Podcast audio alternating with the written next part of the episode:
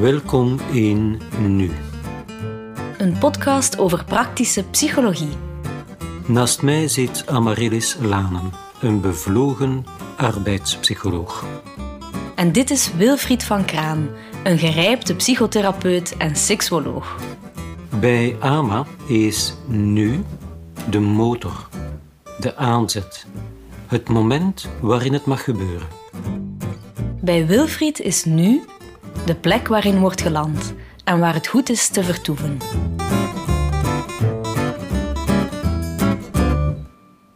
Amaryllis, vandaag gaan we het hebben over flow. Het is een onderwerp dat jij boeiend vindt, hè? Ja, ik vind dat een enorm boeiend onderwerp, flow. Ehm, Waarom eigenlijk? ja, dat is een.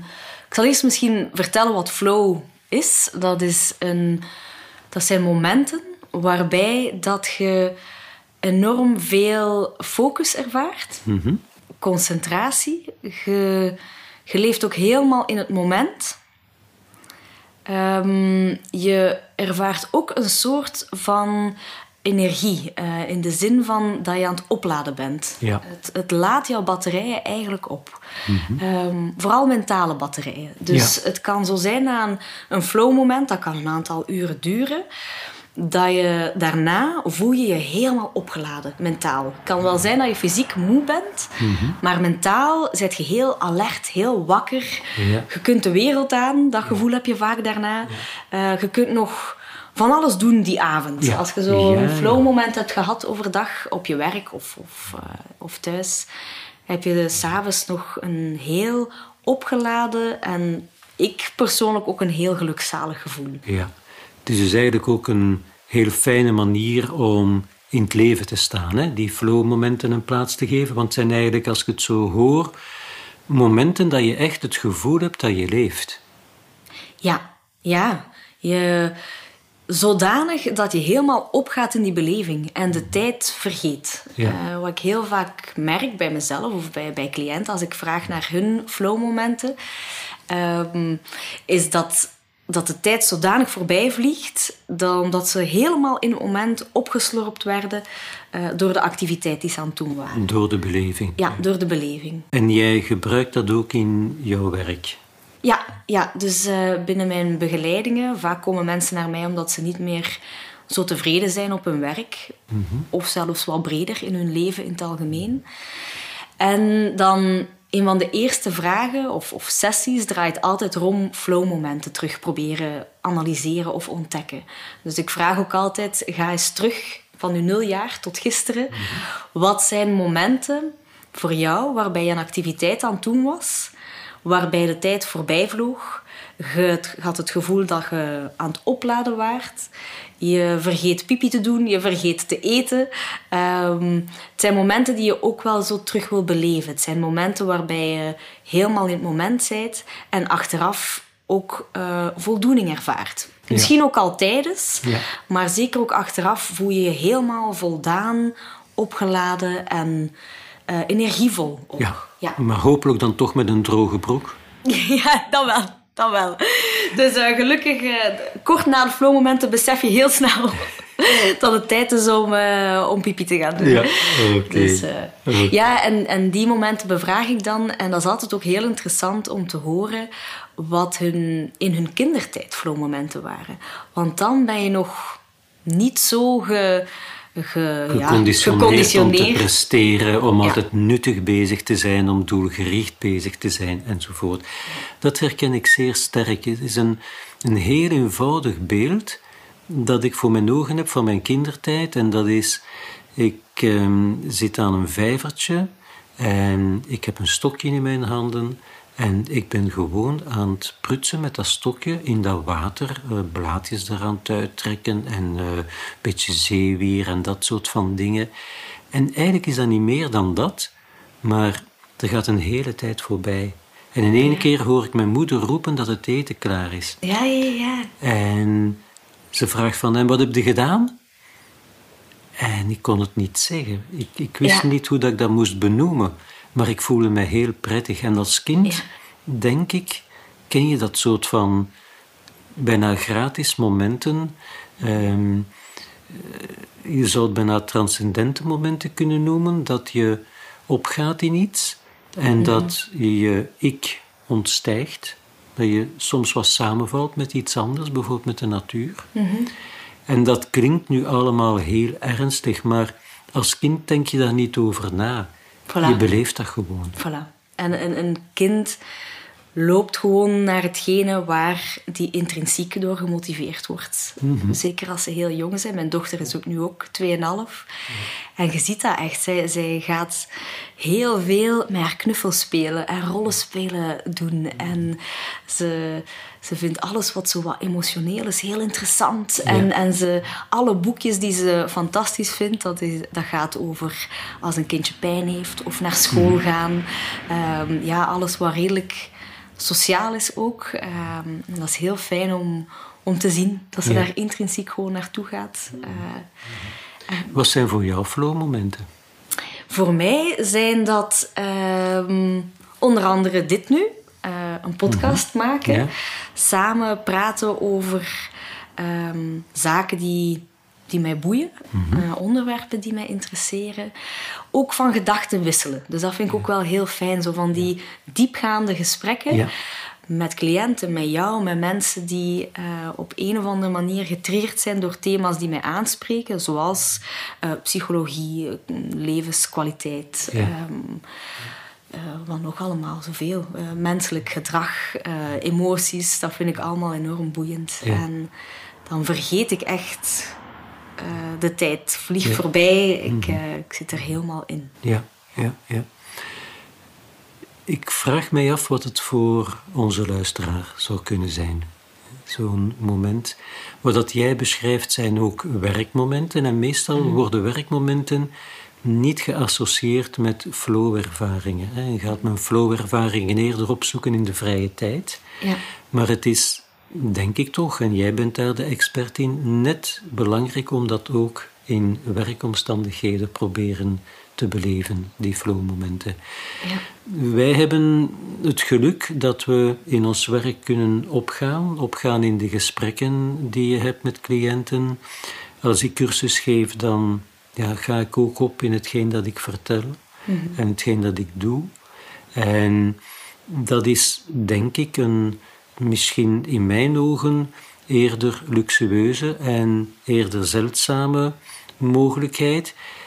Ik heb zo de indruk dat niet iedereen die mogelijkheid heeft om helemaal op te gaan, bij momenten uiteraard, in mhm. zijn werk. Of vergis ik mij daarin?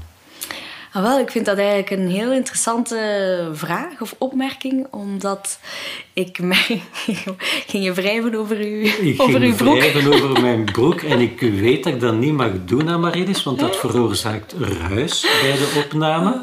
En dus ik kon me niet inhouden en ik heb dan toch over mijn, broek, mijn broek gewreven, maar zo een centimeter erboven, zodat het geen ruis veroorzaakt. Luisteraar, wees dankbaar. We hebben geen geruis dankzij Wilfried zijn opmerkzaamheid. Uh, dat is trouwens ook interessant. Je wordt tijdens flowmomenten uh, ben je veel alerter. Ja. En veel opmerkzamer. Dus je kan ook veel meer met focus werken. Ja. Dus dat we nu misschien ook wel je ervaren. Je bent wakker. Je bent helder. En je bent volledig in het nu aanwezig, waardoor dat je bewustzijn veel beter capteert wat er gebeurt en je ook sneller erop reageert. ja. ja. ja. Ja. Maar we zaten eigenlijk we zaten bij... terug, hè? Ja, bij de, de link naar, naar werk. Naar werk of, of dat je dat inderdaad meer in je werk kan integreren of vinden.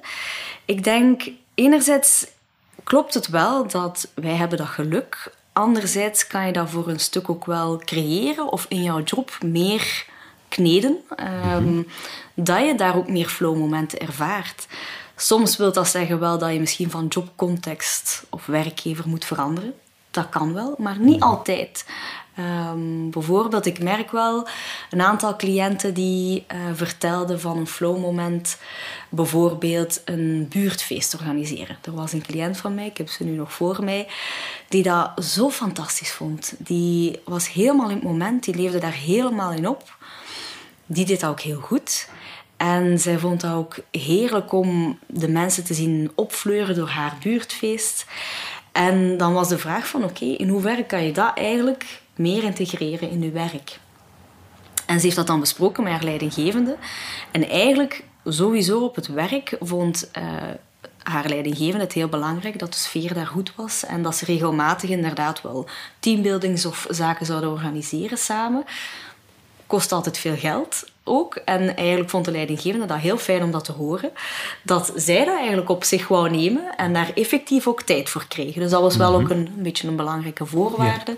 Dat dat ook gewoon deel van haar job werd. Zij werd ook echt de, de sfeerbeheerder van het team. En ze kregen daar ook tijd voor. Ze kregen dat is een belangrijk iets. Hè? Al snel worden zo'n dingen gezien als die dat er je maar eventjes moet bijnemen, maar dat eigenlijk niet echt telt. Voilà, klopt. En dan dus- wordt het stresserend. Ja, dan is het inderdaad nog iets extra erbij. En ik, ik blijf ook altijd wel uh, meegeven. Het belangrijkste in je job is dat je voor liefst toch ongeveer 70% van uw tijd dingen doet die jou opladen, die, die jou blij maken, die jou flowmomenten liefst. Uh, nu, 70% flow misschien niet, maar toch de meerderheid van de tijd mhm. dat je toch regelmatig flow ervaart. Want dan heb je genoeg opgeladen batterijen om ook met die 30% om te gaan die misschien minder leuk zijn of die je niet opladen, maar die er wel bij horen. Dus het is wel belangrijk van die tijd daarvoor te kunnen maken, ook te kunnen krijgen van uw leidinggevende, mhm. Ehm, waarbij dan mensen zoveel mogelijk flowmomenten kunnen ervaren. Uh, en daarbij... Maar kan je daar nu wat praktische voorbeelden van geven? Stel, ik werk aan de kassa in het grootwarenhuis. Ja. Geen evidente job. Hoe kan ik daar flow-momenten vinden? Nu, het, het, eerste wat ik sowieso zou doen, is bij die persoon gaan bevragen wat zijn jouw flow-momenten. Want het kan wel zijn dat hij flow-momenten heeft die veel meer buiten zijn.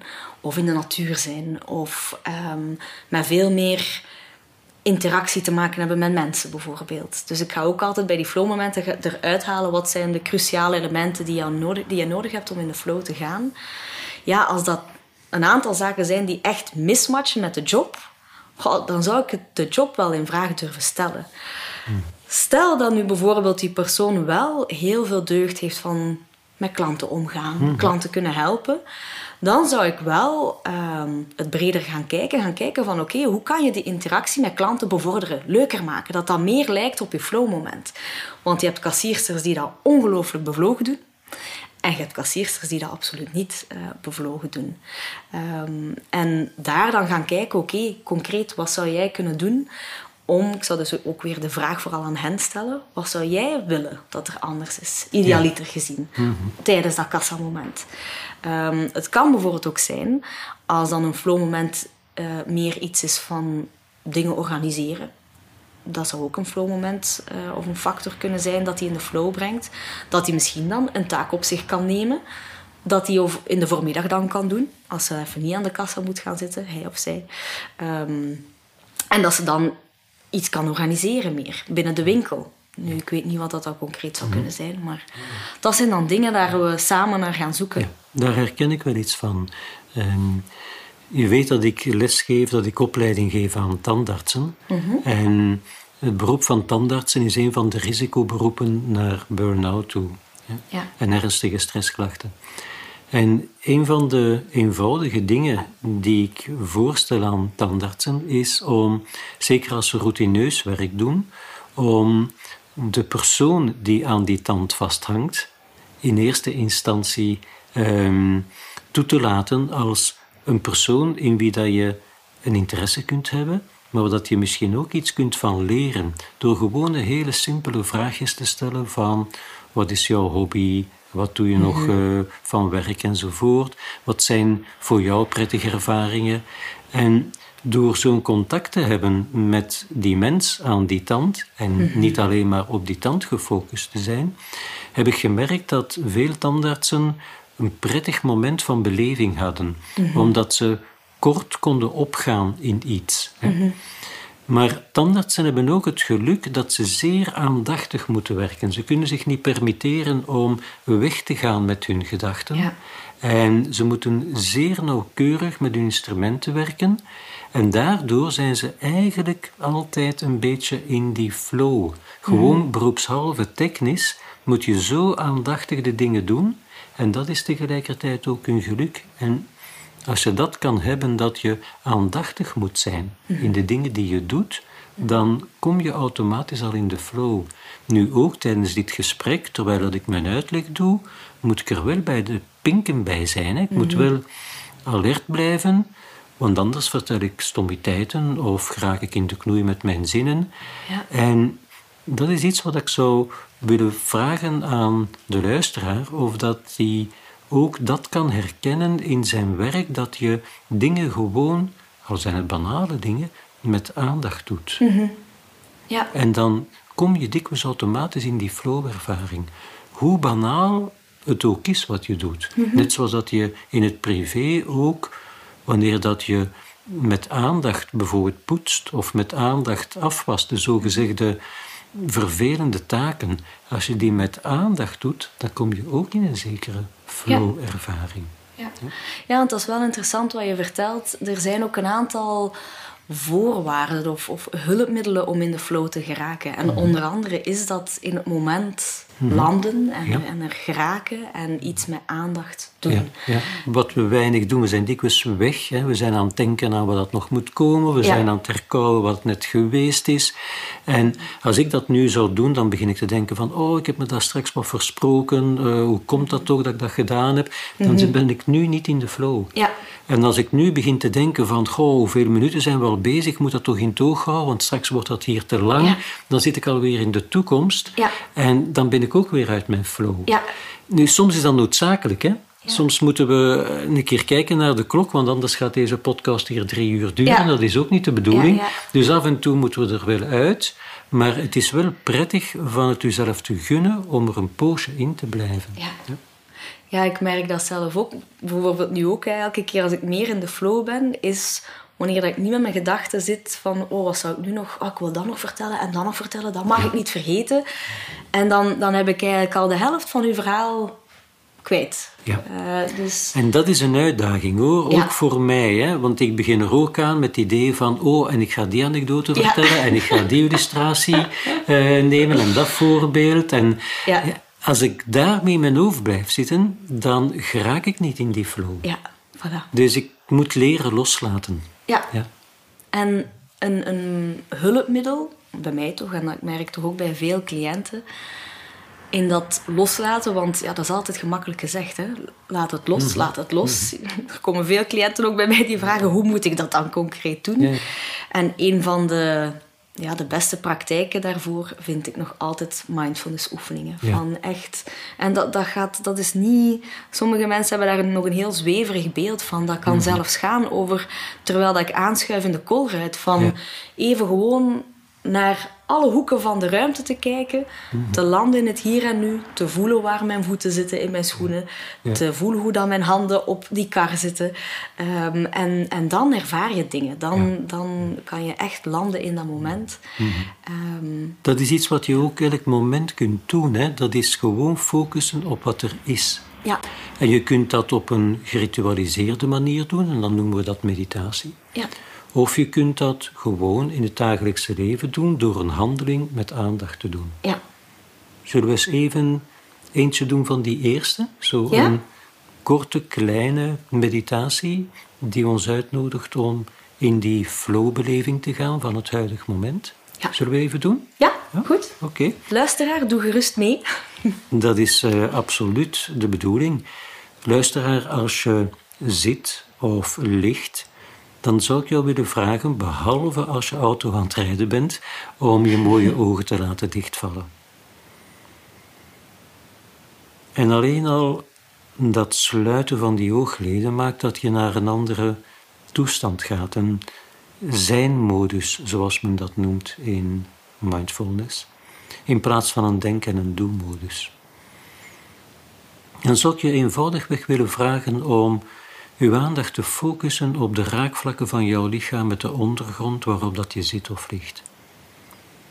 Je hoeft niks te veranderen, alleen maar die raakvlakken te voelen.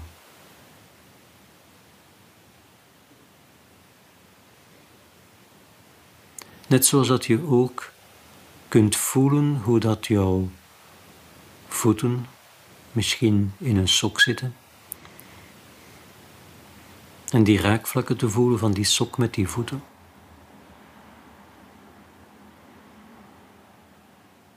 En die voeten in die sok die zitten misschien in schoenen of pantoffels. En waar voel je die? En is dat bij beide voeten op dezelfde manier? Of voel je eerder die raakvlakken van die voet in die sok, in die schoen? Bij de ene voet wat anders dan bij die andere?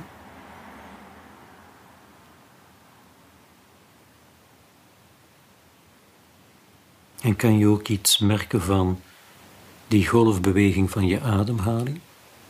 Hoe dat die als vanzelf in en uitgaat, als een golf die opkomt en weer uiteindt, zonder dat je er hoeft over na te denken, alleen maar beleven. En zonder dat je ze hoeft te veranderen, ze is oké zoals ze is. En net op dezelfde manier kan je in het dagelijkse leven ook heel eenvoudige dingen even met aandacht doen. Bijvoorbeeld als je aan het eten bent, een poosje, een paar happen, heel bewust met aandacht eten. Of op het werk of eender waar, een slok water nemen, een paar slokken na elkaar. Of eens met aandacht je handen wassen. Of eens met aandacht luisteren naar iemand. Misschien kan je nu al een idee hebben van wat je in de loop van de dag vandaag heel even met aandacht gaat doen, om op die manier in het huidige moment te landen en een flowbeweging te ervaren. Een beleving van het huidige moment. En dan kan je dat nu afronden als je wil, door je ogen te openen en te doen wat je zin in hebt. Misschien even uit te rekken of wat te bewegen.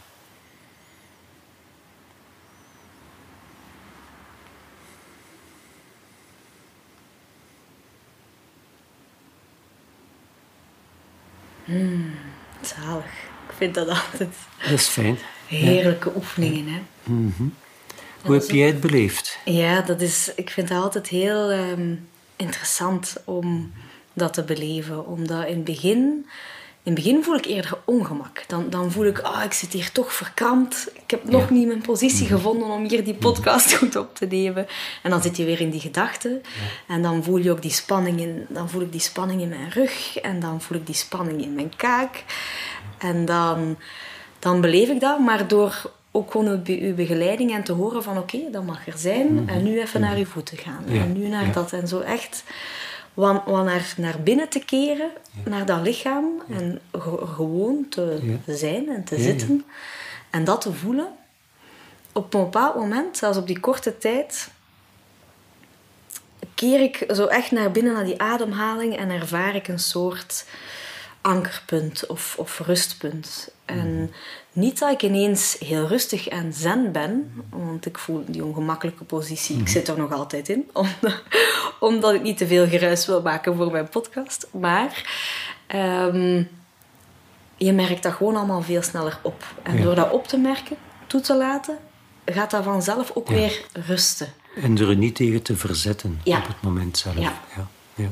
Nu, je beschrijft het heel goed, vind ik, en heel mooi hoe dat. Want soms denken mensen dat ze daar meteen moeten invallen hè, en dat het mislukt is of dat ze er geen talent voor hebben als dat niet meteen gebeurt. Maar het is inderdaad een hele geleidelijke overgang. hè, van het moment dat je eraan begint, ben je nog in die actiemodus, ben je nog in die denk- en doe-modus. En die laat zich niet zomaar stilleggen. Dus je zit zo met die overgang van dat denken van, goh, ik zit niet goed en ehm, eigenlijk eh, zou ik dit of dat willen. En je hebt Ja. zo'n heleboel gedachten, oordelen over jezelf, dat het niet zo vlot gaat. En dan geleidelijk aan verschuiven die naar de achtergrond. Omdat er iets anders op de voorgrond komt en dat is gewoon de beleving. Ja. En die beleving is een andere modus dan die denkmodus. Ja. En dus je krijgt heel geleidelijk aan die, verschuiving van naar de achtergrond met die denk- en doe-modus en naar de voorgrond met die belevingsmodus. Ja. En dat heb je ook in het gewone dagelijkse leven, zonder echt van die formele meditaties te doen, dat je kunt opgaan in iets en dat je datgene wat je over pikkerde, of datgene wat dat je te veel over aan het denken was, dat dat naar de achtergrond gaat, omdat je opgaat in bijvoorbeeld bricoleren. Ik bricoleer graag, ik maak graag dingen. En ja, dan, dan heb je daar al je aandacht voor nodig om dat feestje daarin te krijgen, dat nagelsje recht te kloppen en die planken op de juiste manier te schikken enzovoort. En dan ga je automatisch in die flow-ervaring door iets met aandacht te doen. Ja. En bij mij is dat bijvoorbeeld film kijken ook.